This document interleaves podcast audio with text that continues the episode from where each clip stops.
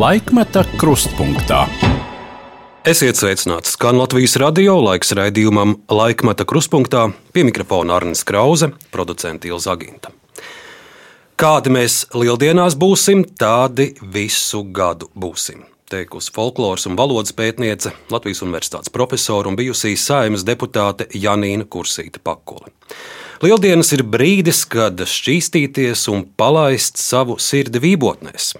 Pavasars beidzot ir sarosījies, saule ar katru dienu kāpj ar vien augstāk virs egļu galotnēm, un tieši lieldienās uz sarunu esam aicinājuši Janīnu Kursīti Pakulu. Janīna, sveicināti! Labdien, bet pietikt ar kursīti. Bez pakulas. Jā, ja tas bija saimas piedeva. Skaidrs. Lai atšķirtu divus kursītus. Bet vēl sirsnīgāk, vienkārši Janīna. Janīna. Janīna, vai tā ir tiesa, ka vārds lieldienas eh, latviešiem ir aizgūts no austrumu pareizticīgajiem, no, no vārda veļiko ģeņa? Nu, vai gluži no austrumu, eh, bet eh, es domāju, ka tā varētu būt. Jebkurā gadījumā tas eh, atšķirībā no ūsiņu dienas, jeb kā mēs savādāk vēl sauktu, un tas saistīts ar kristietību nosaukums. Nu, jūs droši vien pārzinat neskaitāmus eh, lieldienu rituālus, eh, olu ripināšana un šūpošanās eh, ir tie zināmākie, bet eh, no folkloras zinātnieces, pētnieces es vēlētos izzināt šodien arī kādas mazāk zināmas senču tradīcijas. Nu, piemēram, mēs šodien varētu mudināt ļaudis apkārtnē atrast kādu augstāku auguru, saplūkt kārklu vicas un, un, un nodarboties ar putnu dzenāšanu. Dzīšana. Dzīšana. Jā. Nu, īstenībā dzenāšana tā ir eh, vienā paņēmienā, jau to nevar izdarīt. Eh, Tā varētu būt lībiešu tradīcija, ka, ko pārņēmuši arī latvieši, bet tikpat labi arī kopējā tradīcija. Un eh, varētu jautāt, nu, kas, ko te putni ir nogrēkojušies, ka pavasarī būtu jādzen prom. Mēs jau viņus tieši gaidām. Jā, bet tur jau tas ir, ka vieni ir tie putni, kas iemieso visu to smago, kas bijis pa ziemas sezonu, un nosacīt tos putnus dzen prom, lai aizlido un labos pavasara putnus, gaida, klausās un e, priecājas par tiem. Tā ir pavasara izkustēšanās, e, tā ir um, uzkāpšana pakalnā, cik nu, Latvijā augsts pakalns iespējams, uh, saules lūkošana un gal galā atbrīvošanās no tā, it sevišķi mūsu laikos, man liekas, mūsdienās, pēc Covid un vēl ar Covid, pēc Ukrainas un vēl ar Ukrainu un pasaules apdraudējuma laikā, man liekas, ļoti svarīgi, ja ne pats svarīgākais, atrast veidu, kā priecāties, ka mēs esam, Latvija ir un putni arī ir. Bet šur, Cerams, ne galvā. bet šur, par šo putnu dzīšanas rituālu es saprotu, ka nu, man laukos blakus ir gaiziņš, tā kā es varu diezgan augstu O. uzkāpt. Jūs par visiem varat izdarīt. Tad es saprotu arī, jūs man izstāstiet, kādēļ ir vajadzīgs tās kārklu vicas un, un, un kādēļ ir arī skaļi jākliedz. Eh, Ziemā uzskatīja, ka ziemā īpaši veļu laikā vispār jābūt klusam. Iespējami klusam. Ir jāsaudzē sevi, savus spēkus, daba ir pamirusi un pavasarī e, palīdzot saulē kāpt e, debesīs, sildīt, uzskatīja, ka cilvēks var ietekmēt dabas spēku atmošanos, un tāpēc cik ir spēka, man prātā mirdzas ķempes ekspromts ienāca par vienu nepārāk uh, varbūt veiksmīgu dzēnieci, ko viņa arī konsultē, cik iekšā ir tā spēciņa, tik dragā Elza vēciņa.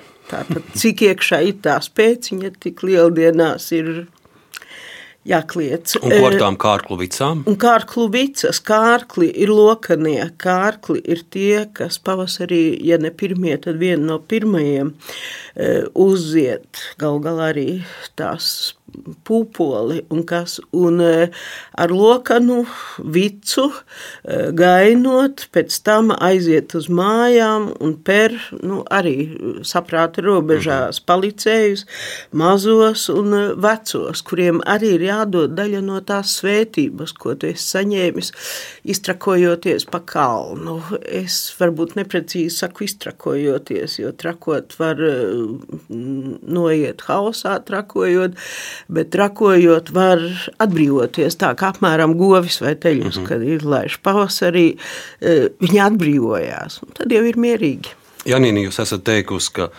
Katrs var svinēt lieldienas, kā vien vēlas, un var arī nesvinēt, bet pats galvenais šajā laikā esot, kam vien ir iespēja izkustēties. Brauciet uz laukiem, dzeriet bērzus, sūlas, vai vismaz uz dienu atslēdzieties no interneta komentāriem un, un ikdienas rutīnas. No to internetu jau es pieliku klāt. jā, jā, es domāju, ka bet ļoti precīzs pielikums un pievienojums. Jā.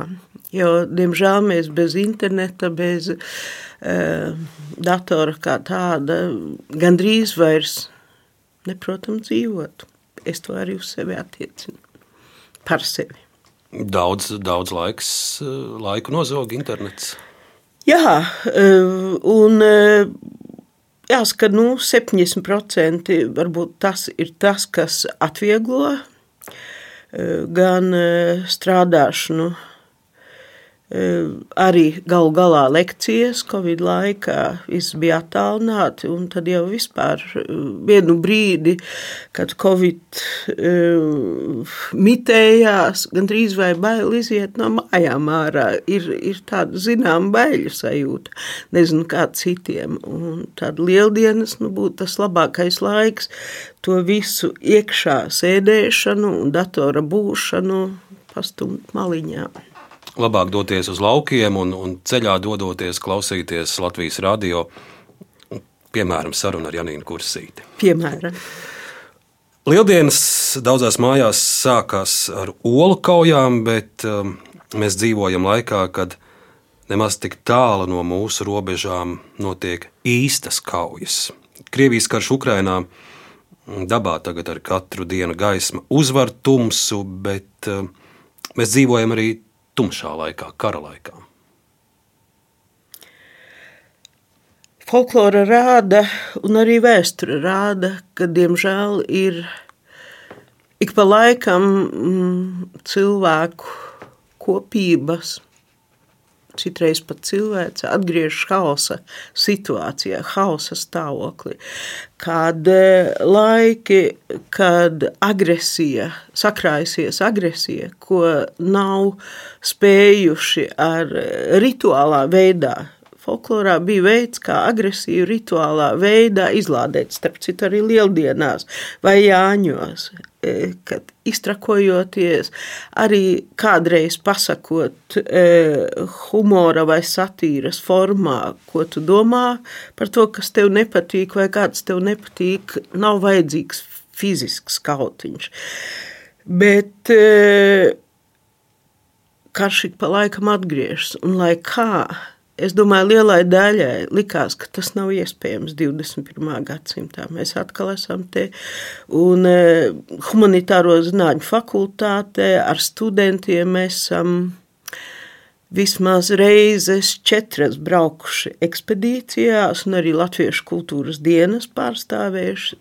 Starp citu arī toreizējā Ņepropetrovskā, Ņipro tagad. Uh, Un eh, par rietumu Ukrainu esam diezgan daudz arī ar latviešu, ar uh, tulkotāju no latviešu valodas Jurko Sadlovski, viņa gudrajā un jaukajā vadībā ceļojuši un pazīst arī virkni zinātnieku, to starp arheologus, kas ir, nu, ja ne gluži 70 gadnieki, tad 60 gadnieki, kas ir kaujas laukā, un es viņiem sarakstos, un uh, vairākiem bijuši ievainojumi. Tas ir tas, ka Šis ir laiks, kad katram jādomā, nu, diez vai būtu prātīgi, ka es domāju, es ar ieročiem rokās dotos uz Ukrajinu. Bet es varu palīdzēt, tāpat kā citi var palīdzēt, gan materiāli, gan, um, gan arī garīgi. Man arī uzaicināja Ukrāņu nolasīt viņiem lekciju, ko es arī darīju. Tas bija nu, bija varbūt viens no dziļākajiem pēdējā gada saviņojumiem, bija, ka es redzēju asaras attālināt viņu acīs, un man bija ļoti grūti valdīt asaras savās acīs, bet tā ir tā līdzjūšana un līdzi palīdzēšana. Viņiem ļoti svarīgs katrs atbalsta vārds, ko viņi jūt, un tad tie, kas var karot, tie karo un kaut vai Gundars Kalve, kuru vienu brīdi taisījās tiesāt, nākošā brīdī viņš kļuva par Krustpils vai Jēkabpils goda pilsoni. Tas ir tas stāsts par to padomi Lielgabalu, jā, Lielgab... kur viņš iemeta jā, Daugavā. Daugavā un Andrim Grīnbergam tūlīt, tūlīt iznāks grāmata, kur šī situācija ir arī stāsts par Gundaru Kalvi pašu būs ietverts grāmatā. Skatoties ziņas, reportāžas, redzot un dzirdot no Ukrainas, kas ir tas, par ko Janīna jūsu sirds sāp visvairāk? Latvijā vai? Redzot to, kas notiek Ukrajinā, no, no radio, no televīzijas, internetā, lasot, par ko visvairāk sāp?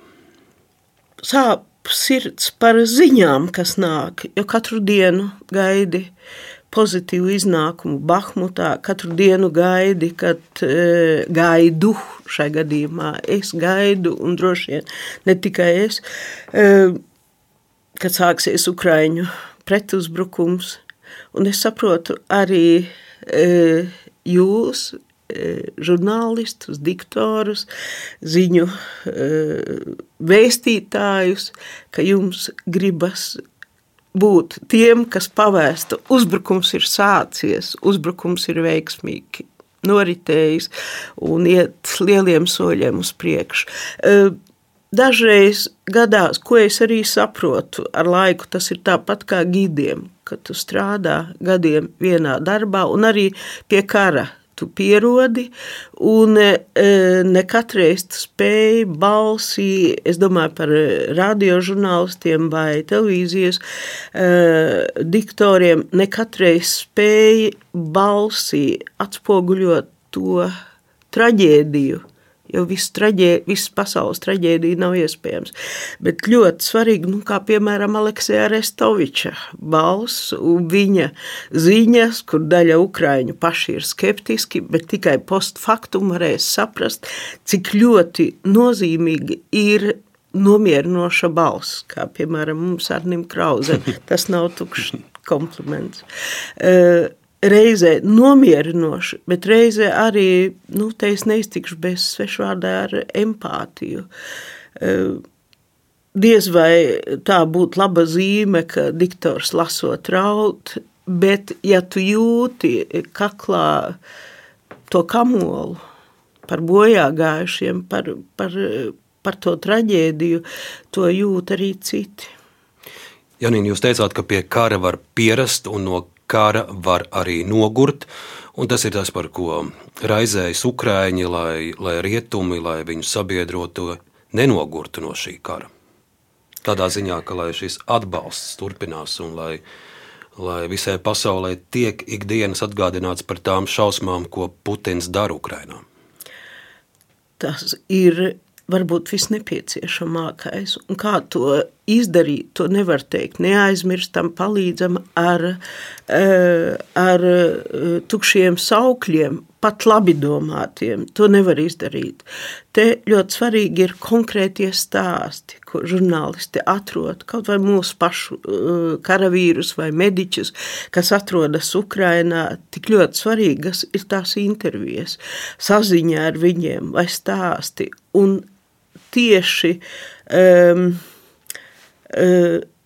tieši kādu gadījumu izceļot, vai arī skatoties, kā piemēram Ukrainas prezidents sniedz apbalvojumus, cik cilvēciski tas ir salīdzinot ar pretējā pusē apbalvojamajiem, kur liekas, ka tiek apbalvoti automāti par funkciju izpildīšanu, ne, nevis cilvēki, kas gūši ievainojumus. Un tad, kad es redzu uh, Zaļenska klātbūtni ar ievainotajiem, tur nav viltus optimisma, kādam nav rokas, kādam nav kājas, kādam ir elpojamais aparāts. Un tieši tas ir vajadzīgs, tas skaudrums. Un es saprotu, ka katram mums ir jāpalīdz, lai ātrāk pabeigtu šo traģisko vēstures lapusi. Kā karš šī gada laikā ir mainījis Latvijas sabiedrību, Krievus Latvijā, mūsu attieksmi pret krievu valodu, pret krievu kultūru, arī mūsu attieksmi pret vēsturiskām personām, kuras mēs tagad saucam par nodevējiem. Nu, es saliku visu kopā, bet varbūt sāksim pa vienam par, par kopumā par Latvijas sabiedrību. Kādu jūs esat ieraudzījusi Latviju pēc 24. februāra? Um es ieraudzīju tādu pašu, kā es apzinājos, jo katru gadu braucot ekspedīcijās, atskaitot, uh, atskaitot Covid laiku, mm, tas ir vairāk nekā 20 gadi, un pa visiem Latvijas novadiem tā situācija aina un uh, tā plaisa. Kur robeža līnija iet pa valodu un kultūru un piederības sajūtu valstī, tā bija jūtama. Bet, protams, tieši karš Ukrainā parādīja, kas ir kas atklāti. Jo iepriekš ekspedīcijās braucot vienā otrā mājā, ieejot, nu, es domāju, mūsu austrumu daļu, uh, vienā stūrītī grāmatplauktā ir Putins, otrā stūrītī ir Staļins. Eh, mēs varam sarunāties par ikdienišķām lietām, bet es saprotu, ka vērtību sistēma ir pilnīgi atšķirīga. Ar to es negribētu eh, parādīt vai teikt, ka Latgale ir austrumu kaimiņa pilnīgā ietekmē. Pagājušajā gadā mēs bijām, šogad brauksim ekspedīcijā uz Viļakas apkaimi, Balvu novads, atsevišķi Putina mīļa, tā mēs sauksim, varbūt, ja tā nebūtu precīzi, kā es pirmie teicu. Um, bija sastopami arī tur, bet tik daudz Latgalē ir arī pozitīvās enerģijas, uh, pozitīvās vēlmes just piederību Latvijai. Uh, mm, e, sagaidīt ieklausīšanos, bet, protams, ieklausīšanās e, ir apusējs process. E, tad, kad e, es saku, atļaujiet man e, runāt radio studijā vai kād, kur citur Rīgā latgaliski, eh, un, un eh, Arnim Krauzēm tāds labi maids pagaidām labvēlīgs, bet tāda neizpratne, nu, ko mēs tulku lūksim. Ir vietas, kur ļoti svarīgi saglabāt e, izloksnes, un ne tikai Latvijā, arī kurzemē, bet ir svarīgi, lai e, mūsu literārā valoda, valsts valoda, tomēr e, gan rakstiskā, gan runas formā nebūtu tas traucēklis mums saprasties, sazināties un atrast kopēju pamatu e, un e, pāri par visu apzināties, ka Latvijas valsts ir pats lielākais dārgums. Parasti jau saka, mm, vislielāko dārgumu mēs izjūtam tad, kad zaudējam. Nedod Dievs! Jūs minējāt ekspedīcijā pieredzēto, ka ir bijušas arī mājas, kurās jūs ieiet eh, un grāmatplauktā redzat vai Putina grāmatu vai Staļina bildi. Bet uh, par ko liecina tas, ka Latvijas, jūsu Latvijas divu lielāko pilsētu mēri Elksniņš un Bartaševičs gada laikā tā arī nav varējuši pateikt uh, šos vārdus, ka tā ir agresija un tas ir karš Ukrainā. Šis ir laiks, manuprāt, kad tiecību uz liberālismu, kurai mēs bijām atvērti, un tas ir labi, kad sabiedrībā valda liberālas vērtības, vai tām ir sava vieta precīzāk, bet ir apstākļi, kurā nonāk valsts, kurā nonāk pilsoņi, kad nevar būt klusēšana no amatpersonām vai izvairīšanās no atbildēm.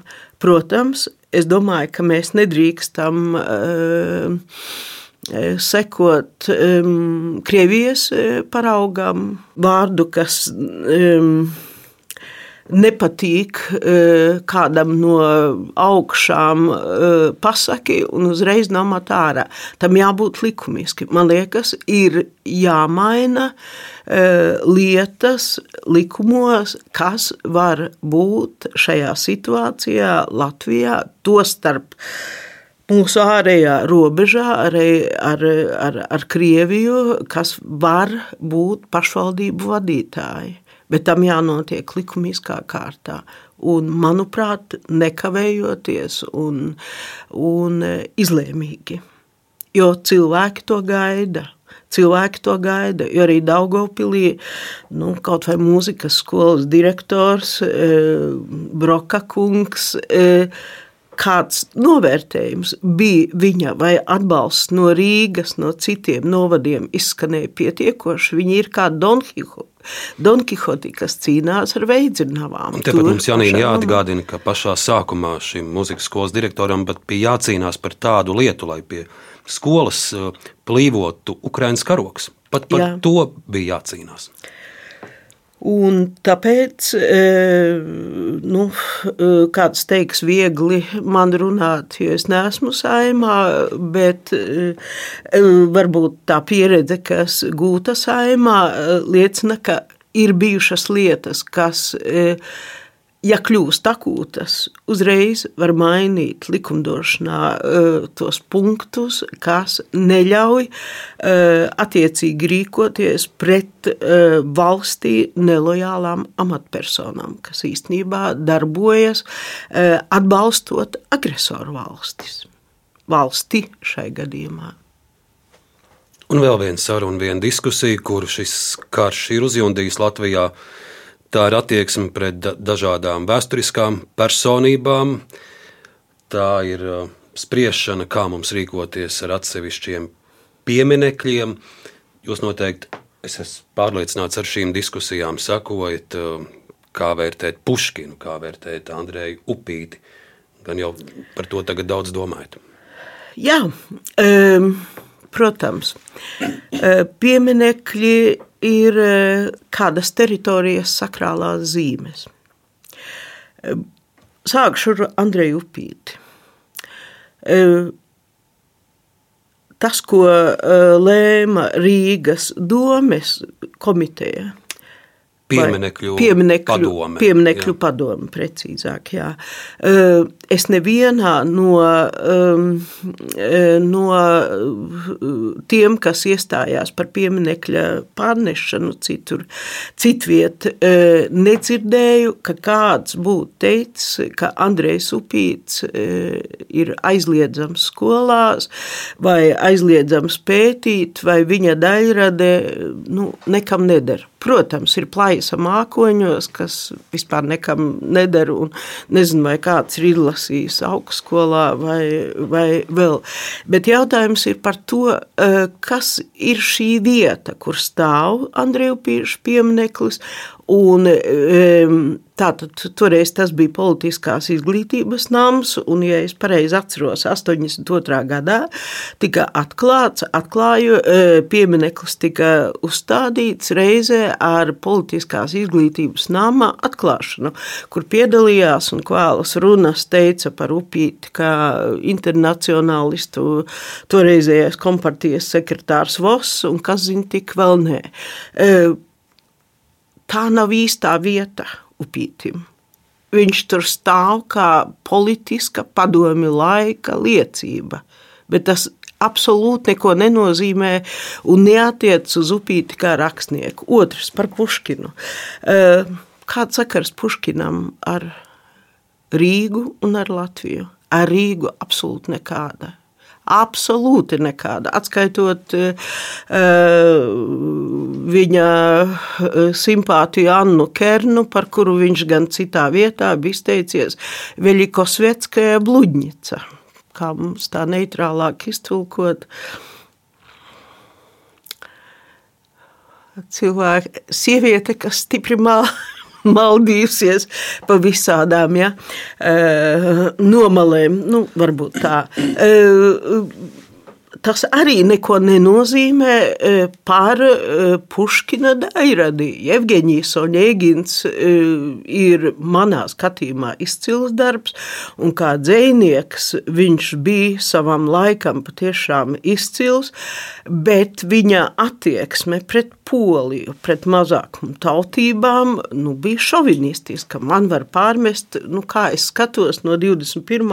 gadsimta uz viņa laikiem, bet es to atceros atceros. Es nesaku, ka tāpēc, vien, ja viņš būtu, nezinu, saistīts cieši ar Rīgu. Un trešais piemērs, lai nepārvērstu visu tikai par pieminekļu, Mirdza ķempe. Mirdza ķempe ir piemineklis Liepājā, Mirdza ķempe ir no Liepājas viens, otrs piemineklis neapšaubām ir, nu es saku neapšaubām, manā skatījumā neapšaubām ir ar māksliniecisku vērtību Ligita Franskeviča un e, Ingūna Rībena, divas autores, jā, arhitekta un tēlniece.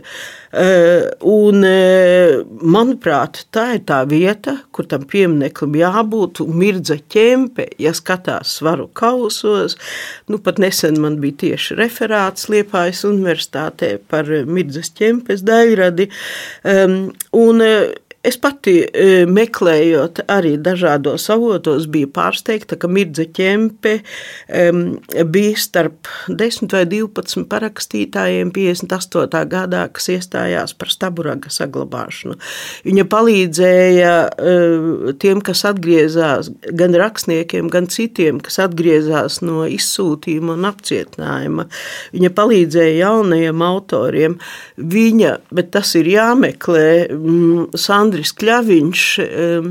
Ainas Kļaviņas izcilās kulināris dēls, kas e, bērnībā bieži redzēja mirdzu ķempi. Viņš e, bijis kā izsūtāmais zēns vārda labākā nozīmē starp e, mirdzas ķempes dzīvokli. Ķempe viņam uzticējusi nest uz katoļu baznīcu viņas tulkotas nu, saistītā valodā vai tās liturģijas, kādi fragmenti vai kas tāds. Viņa palīdzēja slepus arī baznīcai. Es nezinu par luterāņu baznīcu, bet no otras bet, puses nu, viņa solžeņīci. Nu, jā. jā, nu ļoti, ļoti sarkana. Jā, lai gan viņa bija labi sapratusi, jā, Solžņicinu e, nosodīja, e, atbalstīja iebrukumu Čehoslovākijā, e, uzbruka pāris jaunām autoriem, un te ir svaru kausi. Mēs nezinām, kā mēs būtu rīkojušies, nonākot tajā laikā, tajos apstākļos, nu, tajos svaru kausos, es redzu līdzsvaru, pat pozitīvo vairāk. Jo tas, kam un kā viņa ir palīdzējusi, nu, tas arī ir ļoti svarīgi. Rīgas domē iespējams jau drīz būs jālēmj gan par pieminekļiem, gan ielu pārdēvēšanu. Par to, ka Rīgā vajadzētu mainīt Mirdzas ķempes ielas nosaukumu, vēl, vēl nav diskutēts, bet, bet Rīgas domē būs šie jautājumi arī jālemj. Un, un viens no Rīgas domniekiem ir jūsu dēls Māris. Kāds ir padoms, kur jūs dotu viņam, vai varbūt viņš ir arī prasījis kādu padomu mammai literatūras zinātniecei. Nu, diez vai dēli bieži prasa padomus, bet mēs esam, es atklāšu, mēs esam par šo runājuši. Un, gan tieši par Mirdzu ķempi, gan par Andreju Upītu. Par Andreju Upītu mūsu uzskati sakrīt, varbūt e, citos dažos jautājumos, kā par sudrabu eģu ne ļoti, bet, nu, es domāju, viena no mīļākajām grāmatām, kas bija bērnībā, bija Dulais Dauka, un, e, ja skatās, nu jā, sudraba eģis dzīvoja padomju savienībā, bet, nu, viņš jau bija tik nevarīgs, ka tur neko vairs ne plus, ne mīnus nevarēja izdarīt. Um, Tas padoms būtu, esam piesardzīgi un neizmetam visu, visu atkritumos, ka pēc tam līdzīgi kā ar vācu baltu mantojumu, ka kaut kas vai kā ar lielajiem kapiem, ka kaut kas pazūd bez pēdām. Septiņreiz nogriezt, ne, septiņreiz nomērīt, vienreiz nogriezt, bet mēs bieži uh, vienreiz nomēram un tad septiņreiz graizām. Bet šis ir laiks, kad ir jāizšķirās par vērtībām. Jo pieminiekļi bieži ir dzīvāki par dzīvajiem, un viņu ietekme ir lielāka nekā dzīva cilvēka ietekme. Jo mēs redzam, tās ir vērtības, ko mēs katru dienu, ejot garām, redzam. Janīna tik tālu par šodienu un aktuālo, bet mūsu raidījumā laikmeta kruspunktā mēs eh, atskatāmies arī uz laiku pirms 10, 20, 30 un senākiem gadiem. Un mums skan arī dažādi arhīvu fragmenti, un um, esam ar kolēģi arī dažus apkopojuši mūsu šodienas sarunai. To, to dažādu arhīvu ir tik daudz, ka es jau tagad redzu, ka pusi ne, nepagūšu atskaņot, bet, bet Janīna, Es jums varbūt pat pašai piedāvāšu izvēlēties, ar ko mēs sākam. Vai sākam ar periodiku, vai sākam ar radioarkīvu. Panorāmā, panorāmas arhīvā arī daudz fiksēta jūsu politiķas gaitas, un arī šis tās no kino arhīva. Kas jums pašai ir tas interesantākais? Es, es pirmo reizi kādam viesim piedāvāju pašam izvēlēties, ar ko sākt. Politika atstāsim uz beigām. nu, varbūt ar periodu. Ar periodu. Jā. Tad sāksim ar periodiku, jo šķiet, ka perio, periodikā es būšu atradis uh, pašu uh, senāko jūsu pieminējumu, kad pirmo reizi lasītājs izlasa vārdu Janīna Kursīte. Mm, un, uh, jūs man labojat, varbūt ir bijusi vēl kāda iepriekš. Es Nacionālās bibliotekas arhīvā neatradu citu. Pats pirmais jūsu raksts ir padomu jaunatnē. 1969. gada Ziemassvētkos 24. decembrī. Un, un te es prasīšu tādu lielāku komentāru jums, jo raksta nosaukums ir daudz punktu un traktoristu. Nu, tad, tur, tad man būs jāprasa jums, es jums parādīšu arī lūk, šis raksts. Tāds viņš toreiz izskatījās. Nav nejausmas. Vai es ar jūsu piekrišanu drīkstu viņu pacitēt? Jā, protams. Tātad raksta autore ir uh, Līvāna pirmās vidusskolas 11. klases skolniece Janīna Kursīte. Man ir draugs. Mācoties astoņgadīgajā skolā, aizrāvās ar lasīšanu, pats rakstīja. Skolotāji un klases biedri domāja, dienās būs žurnālists, bet pabeidza astoņas klases un aizgāja uz lauku tehnisko skolu apgūt mehanizatoru specialitāti. Šogad sāka strādāt dzimtajā kolhozā. Tavu rīcību, Raimonds, tu jau zini, kolhoznieki, izņemot tavus vecākus, uzņēma ar lielu atsaucību. Parasti skolēni bēg no laukiem. Tu iznāk vienīgais no mūsu klases, paliki savā dzimtajās mājās. Ko tu pats par to saki? Tikai lūdzam, nedomā, ka sāku strādāt tādēļ, lai parādītu citiem savu gribas spēku, savu apziņu. Un tomēr, Raimi, bija taču iemesls, kādēļ tu aizgāji strādāt. Es domāju, ka mēs varam pārtraukt, jo Jā. tā ievirze ir redzama, dzirdama. Um, um, Man patika rakstīt arī Līvānu vidusskolā un rakstījis atcerējumus, un tagad es sapratu, kāpēc tā aizstāv mirdzu ķempi. Um, mm, um, Padomu jaunatnē toreiz Velga Enštrēte vadīja un arī Klet, Kletskins, toreiz Kļotskins, jauniešu um, rubriku Mēs plusos mīnusos kur samērā daudzi ir. Tiešām tā, tā rubrika te ir. Mhm. Un ja tā ir pirmā publikācija, tad e, piepacelta un tāda nu, e, jau pēc tā satura jūtama pareizi. Bet un, tas Raimons ir izgudrots tās vai jā, izgudrots? Es domāju, ka izgudrots. Es lasot, domāju, ka tas ir kāds nē, īsts jūsu nē, es domāju, nē. Es nevienu Raimondu neatceros. Sākumā domāju, ka mans nākamais vīrs, bet nē.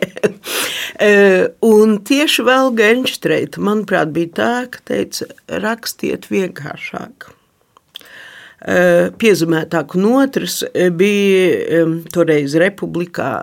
Nevis valstī, republikā sacerējuma konkurss, un bija divas otrās vietas, un viena no tām bija mana, un Mirza Ķempe bija tā, kas pasniedza apbalvojumu ar tērpusies, redzat, kā šodien atceros, e, smagā metāla ķēdē, kas ejot žvadzēja, un teica, ka nedaudz pietrūka pirmai vietai, ka vajag vienkāršāk rakstīt. Tās bija, tie bija divi padomi, e, kas laikam tomēr ietekmēja.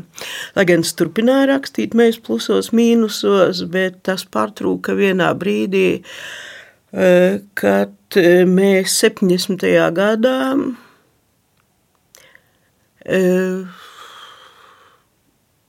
izlīmējām proklamācijas, pretpadomu proklamācijas. Mūs noķēra un, eh, nu, pateicoties skolas direktora klusam atbalstam, kas izrādījās pa kluso visus šos gadus vienu proklamāciju bija arī saglabājis, nu, visas rakstīšanas un arī turpmākās studijas Latvijā tām nebija nākotnes. Un paldies Igauniem, paldies Tartu universitātē, bet reizē arī paldies tam triecienam, ka es varēju šādu stilu neatcerēties. Redzat, es jau biju aizmirsus. Vēl tas, ko es atceros, ka kādu akmeni braucām ar nākamo vīru, manu klases biedru, skatīties. Viņš fotografēja, un man vēl suns iekoda, redzēt, kas nāk prātā. Bet e, e, labāk sākt ar patētisku stilu nekā beigt. Nu, tālāk sakot, tāds pāris e, neliels vēl jūsu publikācijas, bet tad jau nākamais, es teiktu, varbūt arī tāds pirmais lielais, nopietnais un zinātniskais raksts, kuru es atrodu, ir 1981. gada Žurnālā Karoks, septembrī izdevums, raksta nosaukums, publikācijas virsraksts ir 20. gadsimta sākuma latviešu dzēja. Janīna, es šo rakstu tāds pamatīgs un liels pārlasīju divreiz. divreiz es jums teiktu, godīgi, es gandrīz neko nesapratu, jo šeit ir stāsts par četrpēdu trohaju un četrpēdu jambu.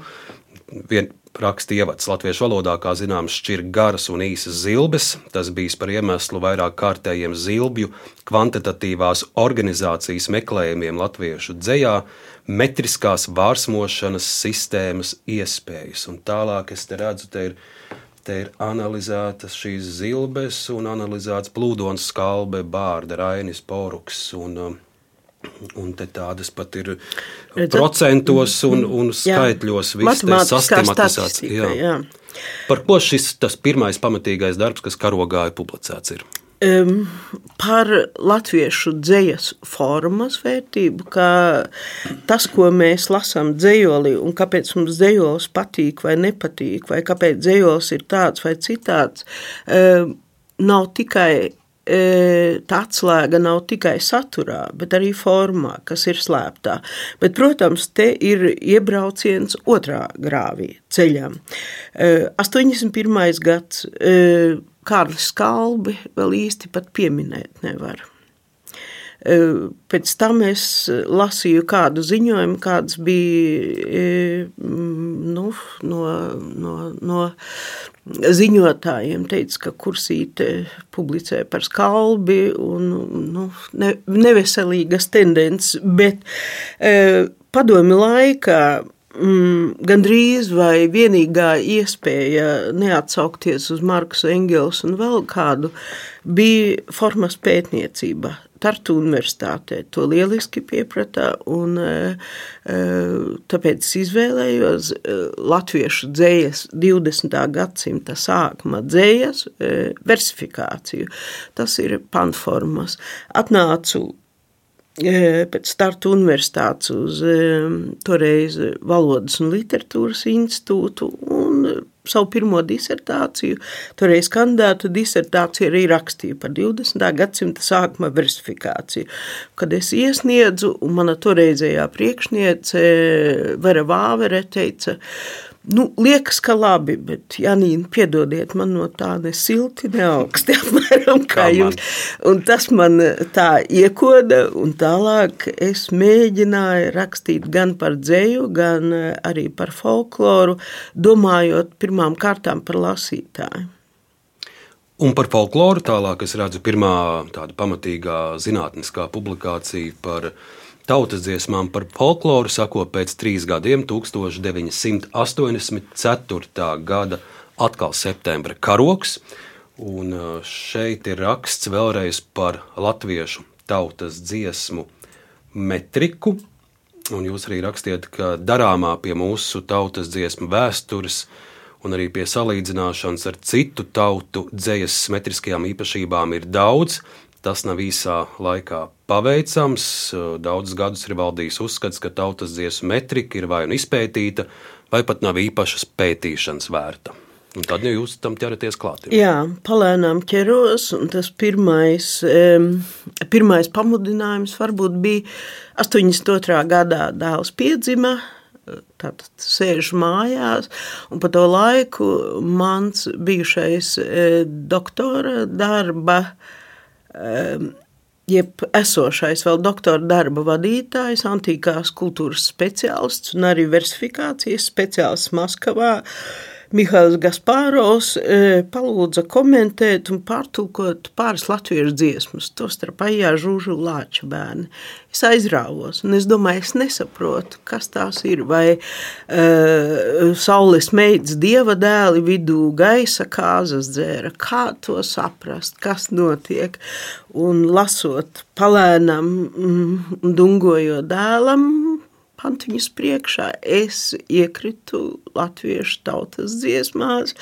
Tā bija vesela pasaule, gadu pa gadam ejot. Nu, pagāja gandrīz desmit gadi, līdz es nonācu pie no dzējas, no tautas dziesmu dzējas formas līdz saturam, un tas bija mītiskais. Un izrādās mītiskais. Tobrīd likās, nu tā ir jāpastudē interesanta, bet pagātne. Un ar katru gadu strādājot, ņemoties ar to, es redzēju, ka tā nav pagātne, un varbūt tas ir latviešu tautadzējas un folkloras, un ne tikai latviešu folkloras, bet folkloras lielākais plus, ka tā nav, eh, ka tie nav teksti vienam laikam, ka paiet laikam, tev varbūt nav vajadzīgs, bet tad, kad nāk grūti laiki vai ļoti labi laiki, pēkšņi tu jūti nepieciešamību saskarties ar to.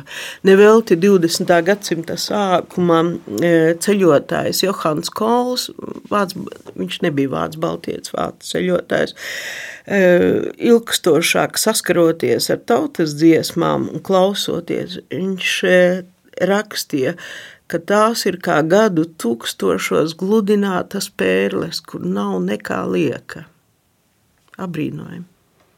Un no tautas dziesmām atkal pie literatūras 1986. gada 23. māja literatūrā un mākslā. Es atrodu jūsu pirmo literatūras kritiku, tādu, kas ir publicēta literatūrā un mākslā, un tā ir par um, Gunter Godiņa dzējas grāmatu tas nepasacītais, un arī Janīna viens mazs citāts no jūsu kritikas.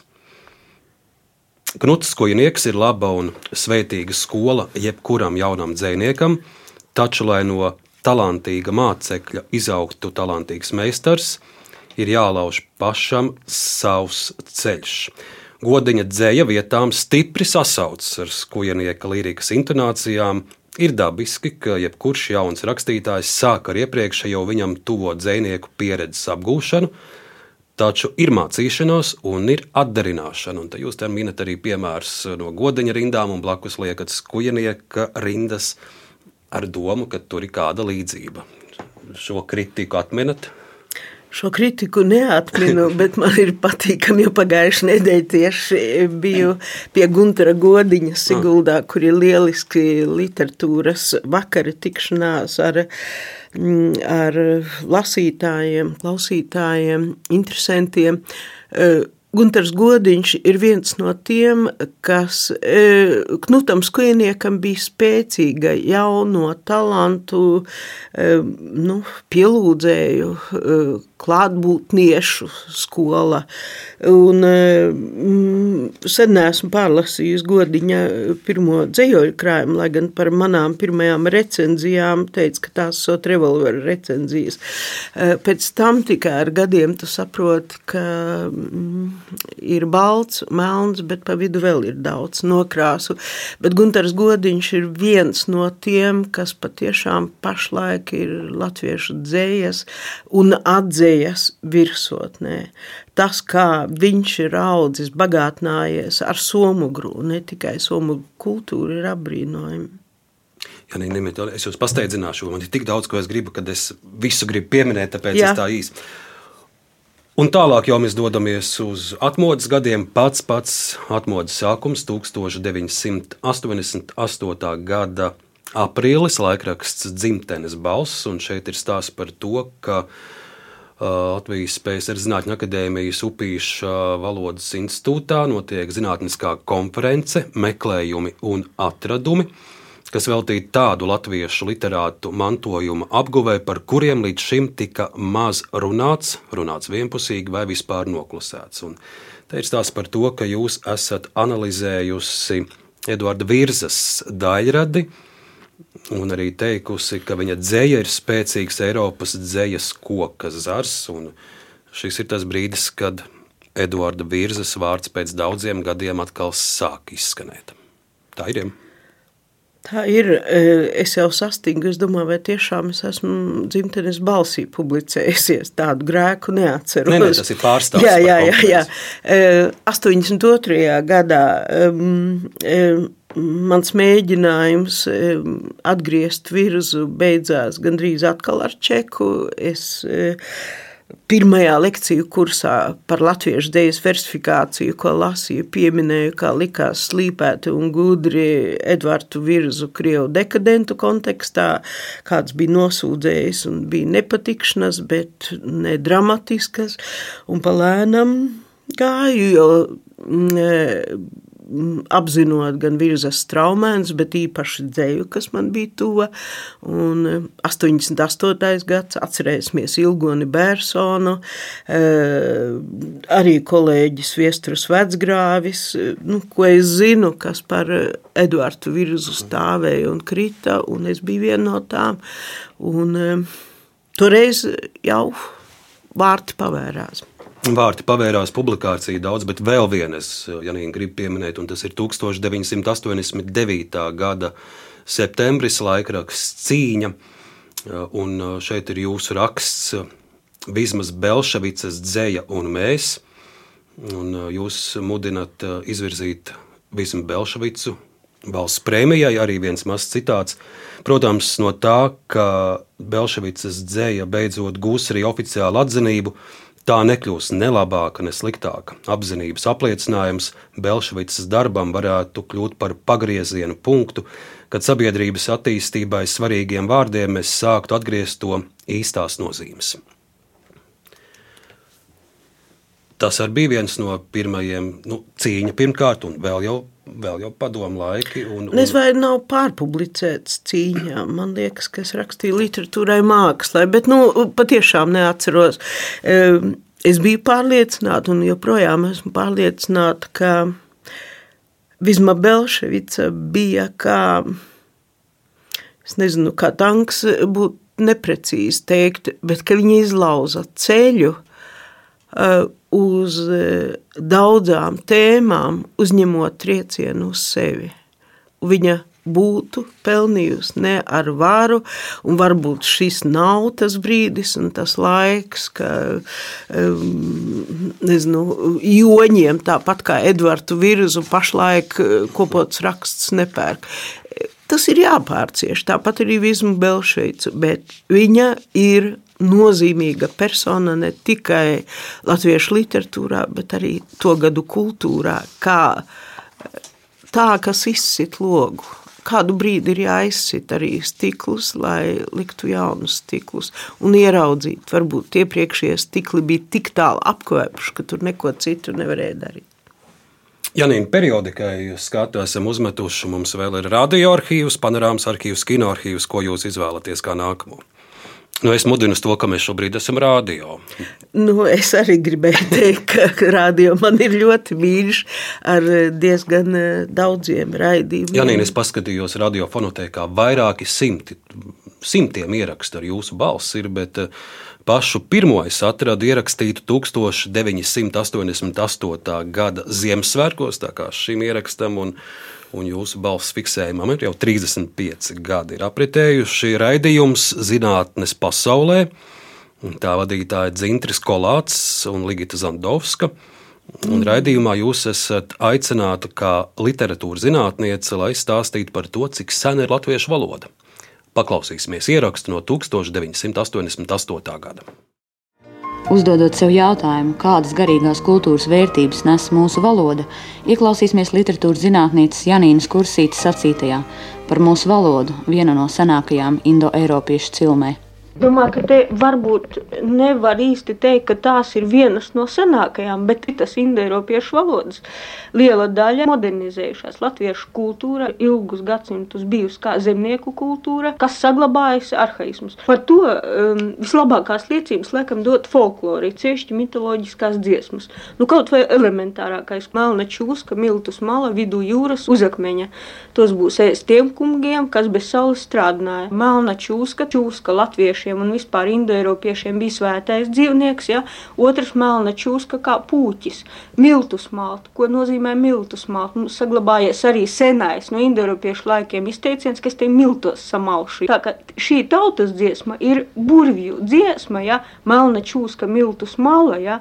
vai nu samaļ miltos iznīcina, veidojas nāves zāles. Tas ir kunga iznīcināšanas formula. Ir vārda funkcija rituālā, cīm redzot, jā? Jā, jā, jā. Otrs, jā par eh, latviešu valodas senumu um, arī liecina ļoti arhaisku vārdu formulu saglabāšanās tautas dziesmās. Daudzi priekšstati, kurus mēs nenovērtējam, piemēram, man liekas, ka mm, diezgan skaidri redzams eh, pasaules izcelšanās, ja, eh, pirmās dzīvības rašanās veids. Ja lasām ļoti daudz mums tautas dziesmu par putām, putas, skatāmies citus indoeiropiešu tekstus, pirmatnējam okeānam, vai jūrai, viļņiem sitoties citam pret citu, rodas putas. Pirmā dzīvības tāda substance, piemēram, ja? akmeņu vidu, jūras vidu, leigoja putu gabaliņš, cel dīveņu lielu vātru, laisit putas maliņā. Nu to putu gabaliņa treis puškeņu darināvu, vīnu devu dīveņam, otru dīva dēliņam, trešu poša aizturēju, ar kū tautas kairinot. Šādu uh, tautas dziesmu ar putu, šo tādu mitoloģisko, interesanto nozīmi, ja, ļoti daudz, bet vēl, ja, Par to tautas dziesmās ir pavisam cita laika un telpas izpratne, ko mēs arī bieži nenojaušam. Mēs laiku uztveram kā lineāru. Un telpu arī kā abstraktu, bet tautas dziesmās nekad nav abstraktas telpas. Tautas dziesmās nekad nebūs debesis vispār. Un orientieri ir divi - vidus un mala. Jūras vidus, lauka vidus, lauka mala, ceļa mala. Nu, šādas gudrības jūs radio klausītājiem stāstāt 88. gadā, un šeit kopš tā laika Janī, nav, nav tādas lieldienas, Jāņa vai Ziemassvētku, kad jūs nebūtu pie radio mikrofona un nestāstītu par folkloru, par tradīcijām, par ticējumiem. Tas nav tas sliktākais, par ko stāstīt, bet es jūtu, cik ļoti es esmu uztraukusies. Tur. Un nāk prātā Mirdzas ķempes teiktais, kas taču bija radio pirmā spīkere, diktore, diktore ja, un viņa bija teikusi, ka viņai bail kāpt tribīnē, jo vienmēr ir sajūta, ka bumbierenis var nokrist. nu, radio diez vai, jā, bet tas uztraukums arī kaut kā e, pirmoreiz publiski, īpaši televīzijā, bet arī rādio. Nu, jūt pēc sarunas veida arī kas ir otrs, ar ko runā, vai tu runā mierīgi un kā uztraukties. Tā ka pašai es nejūtu, ka bumbierenis varētu nokrist.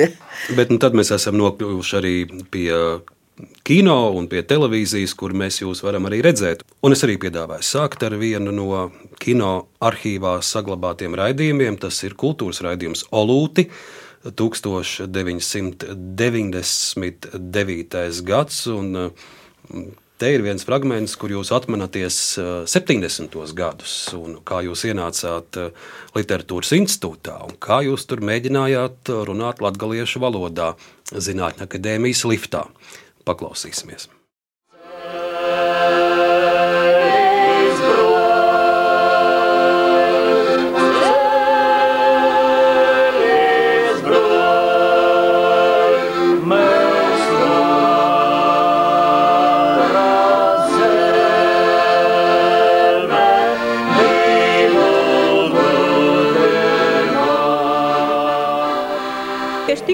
Īgoju 70. gadu vidū uh, literatūras folkloras mākslas institūtā. Nu, ko runāt latgaļiski, to pīsarā. Apārs reizes bija tā, ka liftā augstceļņi bijušā kolhoznīku mojā saucamā Ilona Salceviča, mana vecākā kolēģe, ieto jem publiskai, iz visiem, ka liftā dzert latgaļiski. Es domāju, oi, cik nārta. Bet jai īpūtie īstenībā palīdzētu mūsu pašapziņu, kas nav vajag sacīt, ka mēs esam labāki, bet mēs esam, mēs, mums ir sava pašapziņa. Jā. Tas bija Viktors Hausmans, kas bija liftā. Viņš tā paskatījās. Nu, man tā likās, ka paskatījās. Grūti pateikt, kā. Un patiešām paldies Ilonai Salcevičai, ka man nav nekādu problēmu runāt ne tikai latgaliski, ja ir iespējams arī lībiski vai nu, lībiešu valodā, ne igauņu drīzāk, vai, vai arī krievu valodai pašai par sevi vai izloksnē. Ehm, tās ir vērtības. Un jūs pieminat uh, Viktoru Hausmanu, nesen mūžībā aizgājušo zinātnieku. Un, un nākamais fragments arī būs no 1999. gada, un tajā arī ir viņš klātesošs, arī akadēmiķis Jānis Stradiņš. Um, Šeit ir no valsts prezidenta kancelēs arhīva eh, fiksēts notikums, kur Zinātņu akadēmijā tiek atvērta jūsu grāmata Mītiskais folklorā, literatūrā, mākslā. Un atvēršanas svētkos piedalās arī nesen amatā apstiprinātā valsts prezidenta Vaira Vīķa Freiberga. Tad, nu, Patīkami redzēt. Palūkosimies uz šo, šo notikumu, jūsu grāmatas atvēršanu 99. gadā. Tas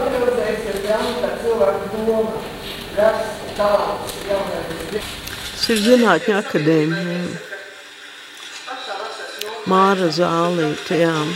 Es biju arī valsts valodas komisijas sastāvā, un Māra Zālīte bija priekšsēdētāja. Jā, grāmata. Ieva Jansone, e, zinātnes ilgadējā direktore. Respektīvi, mūsu vērtējumam jau ir nodota šī grāmata, kurā es esmu mēģinājis tos priekšstatus.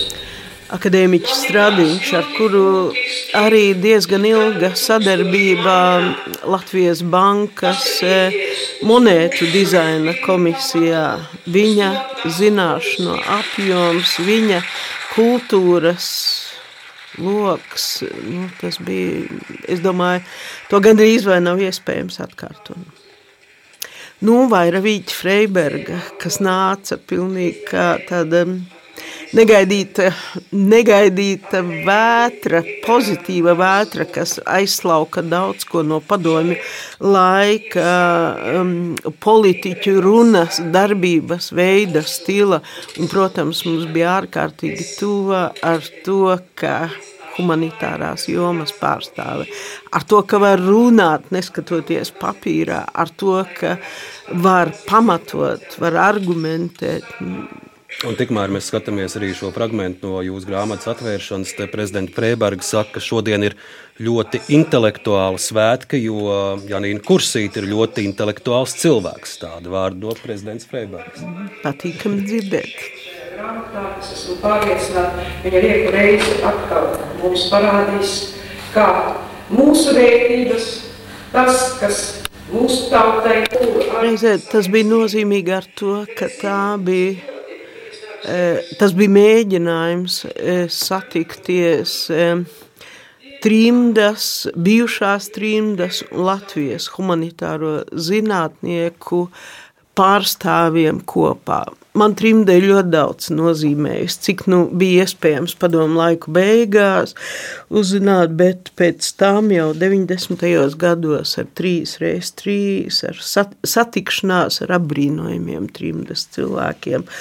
Un, redz, runājot par trim, man jārunā par eh, Krieviju. Pilnīgi nejauši atcerējos un um, bērnībā grāmatu, ko lasīju, kas atstāja toreiz lielu ietekmi Jānis Larī, jeb Jans Larī, oriģinālā krieviski, Karika un Vaļas neparastie piedzīvojumi, valda grēviņa tulkojums, izrādās iznācis jau pirms padomu laikā, 38. gadā, arī valda grēviņa tulkojums, pavisam nedzirdēts stāsts par pašu Lāriju. Dzimis 1900. E, gadā, uzrakstīts Latvijas Latvijas kā viņš nokļuvis. Liekas, ka vecāki jau pirms Pirmā pasaules kara bija um, Krievijā, agri zaudēja vecākus, klaidonības gadi, eksternā pabeigta ģimnāzija, Harkivā pirmie darbi iznāk, viņš beidz Harkivā bioloģijas fakultāti, uzrakstā jau atgriežoties, nevis atgriežoties, bet toreizajā Leņņģeradā uzraksta eh, šo grāmatu Karika un Vaļas neparastie piedzīvojumi, kur tā pamatdoma, pamatsižets, e, brālis un māsa, e, pirmskara izdevumā kā Guntiņa un Kriksīts, tulkot te Kariks un Vaļa, nejauši iedzer profesora sagatavotu šķidrumu un kļūst mazāk nu, līdzvērtīgi kukaiņiem. Un viss tās briesmas, kas sagaida, ka kamene tev ir liela, e, ka zāles stiebri ir kā mūža meža un, un kas ļoti aizraujoša grāmata, kā tāds piedzīvojums piedzīvojuma darbs, kas saņēma negantu kritiku. Mm. Kā tā, padomju cilvēks taču ir visvarens, viņš var eh, ietekmēt dabu un tāds. E, izdevniecība Madris ir ieinteresējusies, ja 59. gadā pēdējais izdevums, tad eh, varētu atkārtot, bet kāpēc ieinteresējusies, kas mani pašu pārsteidza, nevelti pārfrazējot latvieši ir visur, bet šeit, ka Jānis, jeb Jānis Larri, ir unikāls ar to, ka 40. gadā viņš raksta vēstuli Staļinam ar pseidonīmu un raksta viņam kā vienīgajam lasītājam sava veida audzināšanas romānu, kur tiešā veidā kritizē padomju varu. Viņš slepeni sūta un saka, jūs mani neatradīs, nu septiņus fragmentus viņam ar nosaukumu debesu viesi, marsietis, kas atbrauc uz padomju savienību un redz visas tās neiedzības, piemēram, cilvēks skrien pēc kāpostiem, kāpostus dot. Kāpēc jums ir jāgrūstās dēļ kāpostiem? Tas ir tikai vienkāršākais, bet tur ir izteikta padomju eh, iekārtas kritika. Pēc septītā mēģinājuma viņu noķert čeka, viņš nosēt 15 gadus. Nu, tagad ir jautājums mazdēls viņam dzīvojot Austrijā. Es ceru, ka mēs saņemsim atļauju šo grāmatu izdošanai. Vēl viens latviets, es teikšu, trimdā būtu atgriezts. Var jautāt, kā tas saskana ar šo laiku. Tas ļoti saskana ar šo laiku. Pirmkārt, ekokritika, kā mēs esam izturējušies pret dabu. Otrs, vai var ietekmēt pasauli ar vārdu? Tas ir retorisks jautājums. Un, Janīna, mēs šodienas sarunā nevaram nekādi izvairīties arī no tā laika, kur jūs pavadījāt saimnes namā, sot kā saimnes deputāte. Es jau domāju, ka laiks nepaliks. Nē, arī, arī, arī Par to mēs runāsim, un, un šo laiku mums palīdzēs atminēties Latvijas televīzijas panorāmas arhīvs. Tagad arī raiti palūkosimies dažus panorāmas arhīvus. Pirmais gan nebūs saistīts ar politiku. 2006. gada Dācis Tirāns sižets kultūras zīmes kurzemē, un tas ir stāsts par to, ka Universitātes etnogrāfa un folkloras grupa strādājusi Turlavā, lai pētītu ķuršu, kuršu ķoniņu vēsturi Un uh, pētniekiem ir paveicies divkārt. Pirmkārt, ir atrasta simt gadu veca klēts un arī grieztas kultūra zīmes. Fragments no panorāmas sižeta 2006. gada septembris. Ar jaunatklājēju prieku pazīstamā folkloras zinātniece Janīna Kursīta ar studentiem pēta simtgadīgos klēdes baļķus. Sabrukušo klēti saimnieki šogad bija plānojuši nojaukt, kuram gan interesē ķirmju sagrautas ēkas. Šāds netikums piemīt tikai folkloras topošiem zinātniekiem. Ar asu priekšmetu izgrieztā saulīte ir auglības zīme, bet slīpais krusts sargā no visa ļaunā. Krustiņus vilka dažādai aizsardzībai, gan, gan pret uguni. Nē, gan... ir ieskats, kurš ķoniņš tas Jā. arī ir daudz darba pie viņa Jā. pētniecības jums Jā. ir pavadīts. Jā. Uh, kurš ķoniņi Es domāju, ka daļai arī pateicoties mums, tagad ir e, tikpat e, dzirdami kā suiti. Eh, un kurš ķoniņi ir aktivizējušies, vesela virkne gan monogrāfisku pētījumu, gan arī aktivitāšu, kurš ķoniņi, eh, ķoniņi ciemā ir savu ģerboni atjaunojuši, kurš ķoniņiem izdota monēta, kurš ķoniņi bija latviešu nematrikulētā muizniecība. Un, e, tas ir paraugs, kā e, pretoties pretspēkam ne fiziski, bet noslēgt, noslēgt līgumus, kurš ķoniņi ir Latvijas vēsturē ļoti svarīgi. Bet, ja nu par politiku, 2008. gadā jūs kļūstat par 9. saimas deputāti, un panorāmas arhīvs glabā sižetu ar nosaukumu deputātes kursītes šoks par saimu. Vai jūs gribat dzirdēt, tagad, par ko šokēta bija Janīna Kursīte? Es apmēram atceros. Nu, te ir stāsts, protams, lieta jā. arī nopietna stāsts par to, kā līdzīgi kā nu, pat nesen naktas tumsā un melnumā tiek spriests par valsts budžetu, uh, fragments no 2008. gada decembra. Melnā naktī notiek melni darbi Kā jūs rīt varēsiet skatīties tautai acī, ja jūs, do, acīs, ja jūs domājat, ka jūs varat steigā visu Latvijas karti, kā Staļina laikos, vai nāk jauni Staļina laiki? Nu, te mēs redzam, ka dziesmas jā, vēl dzied jā. daži, un daži ir jau iemiguši. Faktiski jūs tikai mēnesi esat saimā. Jā, jā. Šai brīdī jā. te ir tā ir tā budžeta nakts arī. Jā.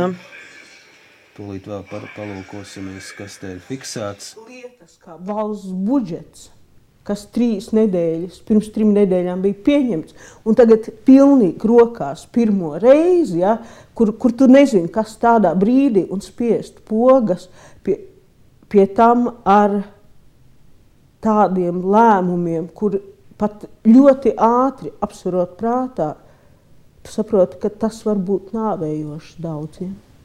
Nāvējoši. Un spiest pogas un nejust to. Viņas ir ar tādu. Nu, te var redzēt ļoti, ļoti emocionāli jūs, mm. vai tādēļ, ka jūs tikai nu pat, nu pat tie pirmie soļi saimā un politikā tikai mēnesis kopš jūs tika apstiprināt amatā un vēl, vēl nebijāt to saimas garšu sajutusi? E, jā, lielā mērā tāpēc ar laiku jau tāpat kā mēs runājam, kā pie kara pierot, arī pie saimas pierot, kas nenozīmē, ka patiešām pēc tam tikai vienīgi pogas būtu jāspiež un redz, ka neko nevar izdarīt, bet ar laiku saproti, ka tu vari izdarīt tikai pārliecinot, e, frakcijā pārliecinot koalīcijā, ja nespēj pārliecināt vai nav, nu tad nav ko raudāt. Un emocijas var izrādīt savā kaktiņā, un kas sākotnēji tā bija patiešām e, tāda jā, šoka situācija. Bet, paldies Dievam, man bija ļoti laba frakcijas, mūsu frakcijas vadītāja, Pilsoniskā savienībā Anna Sēle, kuru atceros ar mīlestību un lielu cieņu. Vēl, Janīna, es noteikti šodien jums gribu parādīt vienu sižetu. Tas ir 2009. gada oktobrī tapis sižets, un tā nosaukums Janīna Kursīte fotografē saimā. Un man par lielu pārsteigumu šī sižeta autors esmu es pats. Es, protams, to biju aizmirsis, tā kā es arī ar interesi noskatījos. Un, un, un sižeta ievads ir tāds, ka Einārs Repšs, domīgais skatiens, deputāts Buzājevs, kurš saimas tribīnē atgādina Ļeņinu. Klusā daba Raimonda Paula brillēm. Šīs ir tikai dažas bildes no saimas deputāts Janīnas Kursītes uzņemtās fotokolekcijas. Un uh, kat, gandrīz katrā saimnes sēdē deputāti cenšas apkārt notiekošo dokumentēt. 2009. gada oktobris. Melnā naktī notiek melni darbi. Kā jūs rīt varēsiet skatīties tautai acī, ja jūs, do, acīs, ja jūs domājat? Janīns Kursīts debijas saimnes tribīnē bija nu jau vēsturiskajā budžeta naktī, kad godmaņa valdība nāca klajā ar pirmajiem būtiskajiem budžeta samazinājumiem. Toreiz viņa pārsteidza, ka deputāti savu kolēģi runas no tribīnes tikpat kā neklausās. Viens čalo, cits lasa avīzi, trešais iegrims datorā. Kā jau pētniece, Kursīt nolēmusi visu parlamentā notiekošo fiksēt fotomirkļos. Mīmika un ķermeņa valoda bieži vien par politiķu pasakot vairāk nekā iestudēta runa. Sākumā gan daži par fotografēšanu iebilduši, jo lūk, zips pūlis varot kādam deputātam sajaukt domas gājienu.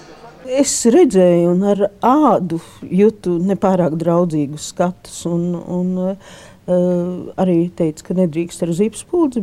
Es arī saprotu, patiešām var kādam dziļu domu izsist no galvas un tam līdzīgi. Uh, es mēģinu neuzkrītoši fotografēt. Janīna Kursīta panorāmā rāda vienu nelielu izvilkumu no savas bilžu kolekcijas. Deputāti, piketi, saimnes komisijas izbraukuma sēdes ārpus Rīgas. Šī varbūt nav uh, izdevusies bilde, jo ļoti ātri bija jāatver uh, vaboles uh, vidusskolā. Es domāju, viņi ir skolotāji, kas ir nu, patiešām izmisumā. Jo kā vairumam no cilvēkiem ir e, paņemti kredīti. Tie kredīti e, nav lieli, bet tie kredīti ir, kas nomāca, e, ir jāmaksā tāpat par dzīvošanu, dramatiski saglab, samazinātās skolotāja algas, bērni ļoti smagi. Bet viņi visi, es nezinu, tas paskatieties tajā skolotājas sejā, Ingūna Kudiņa, cik daudz gaišuma. Viņa saka, tas bija viens brīdis, viņa pienāca, viņa saka, es, es mīlu Latviju, bet es nevaru uzturēt ģimeni, man būs jābrauc projām. Es, nu, tas ir drausmīgi. Nu, te gan humors un nenopietnais, gan arī ļoti, ļoti nopietnas lietas kopā šai stāstā. Jā, nu, kā dzīvē. Vēl Janīna viens sižets, bet laika trūkuma dēļ varbūt es viņu vairs eh, Jā. nespēlēšu, bet, eh, bet tas bija tāds interesants fakts arī, ka 2009. decembrī jūs eh, saimas ētikas komisijā, un tur pienākuši klāt arī vēl citi deputāti, jūs gluži kā lekciju, kā, kā zinātniece lasat lekciju par necensētiem vārdiem un stāstat politiķiem, kādus vārdus ir pieklājīgi lietot no saimas tribīnas un kādus nav, un, un tiešām ļoti daudz politiķi ir sanākuši un, un atplastā mutē debatēm. Es tur skatos, eh, jūs teiktajā klausās. Bet vēlāk saimnes ētikas komisijā jau jums pašai būs jāstrādā un ar visu šo lietu jātiek galā. Bet šis ir 2009. gads, un tad jau vēl nav ne, ne Artus Kaimiņš, ne, ne Gobzems, ne Kabānovs, ne, ne, ne tur arī no Nacionālās apvienības. Nu, faktiski no, no visām jau jāmin ir. Um, Īsi es gribētu jums pavaicāt par jūsu darba ētikas komisijā, jo jums tur dažkārt arī bija kā tādai nu, skolas direktorai jābūt. Ak, vai ja es būtu zinājis lekciju lasot, kas nāks priekšā, jo toreiz vēl bija tikai skaisti ziediņi. Tā evolūcija bija pakāpeniska, bet ļoti strauja. Kāds laiks tāda valoda? Tā ir īsa atbilde. Kā mēs domājam, tā mēs runājam un iekšējā agresija noved e, vai nu pie izlādēšanās e, garīgā veidā, mutes veidā vai arī fiziskā veidā. Paldies Dievam, ka tas pašlaik vēl nav fiziskā veidā. Un Tāpēc ir vajadzīgi lieldienu e, izbļaušanās, iztaigāšanās, atjaunošanās, lai mēs neturētu ļaunu prātu, lai mēs neveltītu ļaunus vārdus cit, citam, bet atrastu viens otrā kaut ko tādu, ko var, ja neiemīlēt, tad ar ko var sadzīvot. Tā lieldienās saka literatūras zinātniece, folkloras pētniece arī. Savulaik saimnes deputāte Janīna Kursīta. Janīna, liels paldies par šo sarunu stundas garumā. Paldies par um, dažām idejām, kā šīs lieldienas sagaidīt. Uh, arī pakāpjoties uz kāda augura kalna un Precīzi tā bija ar putniem, nevis prom, bet nevis ar putniem galvā, bet ar putniem uh, dabā. Putniem dabā. Janīna Kursīta, liels jums paldies! paldies. Raidījuma autori Arnis Krause, Nora Mitspapa, Reinis Budze. Paldies arī Latvijas Nacionālajam arhīvam. Turpiniet klausīties Latvijas radio un priecīgs lieldienas! Priecīgs!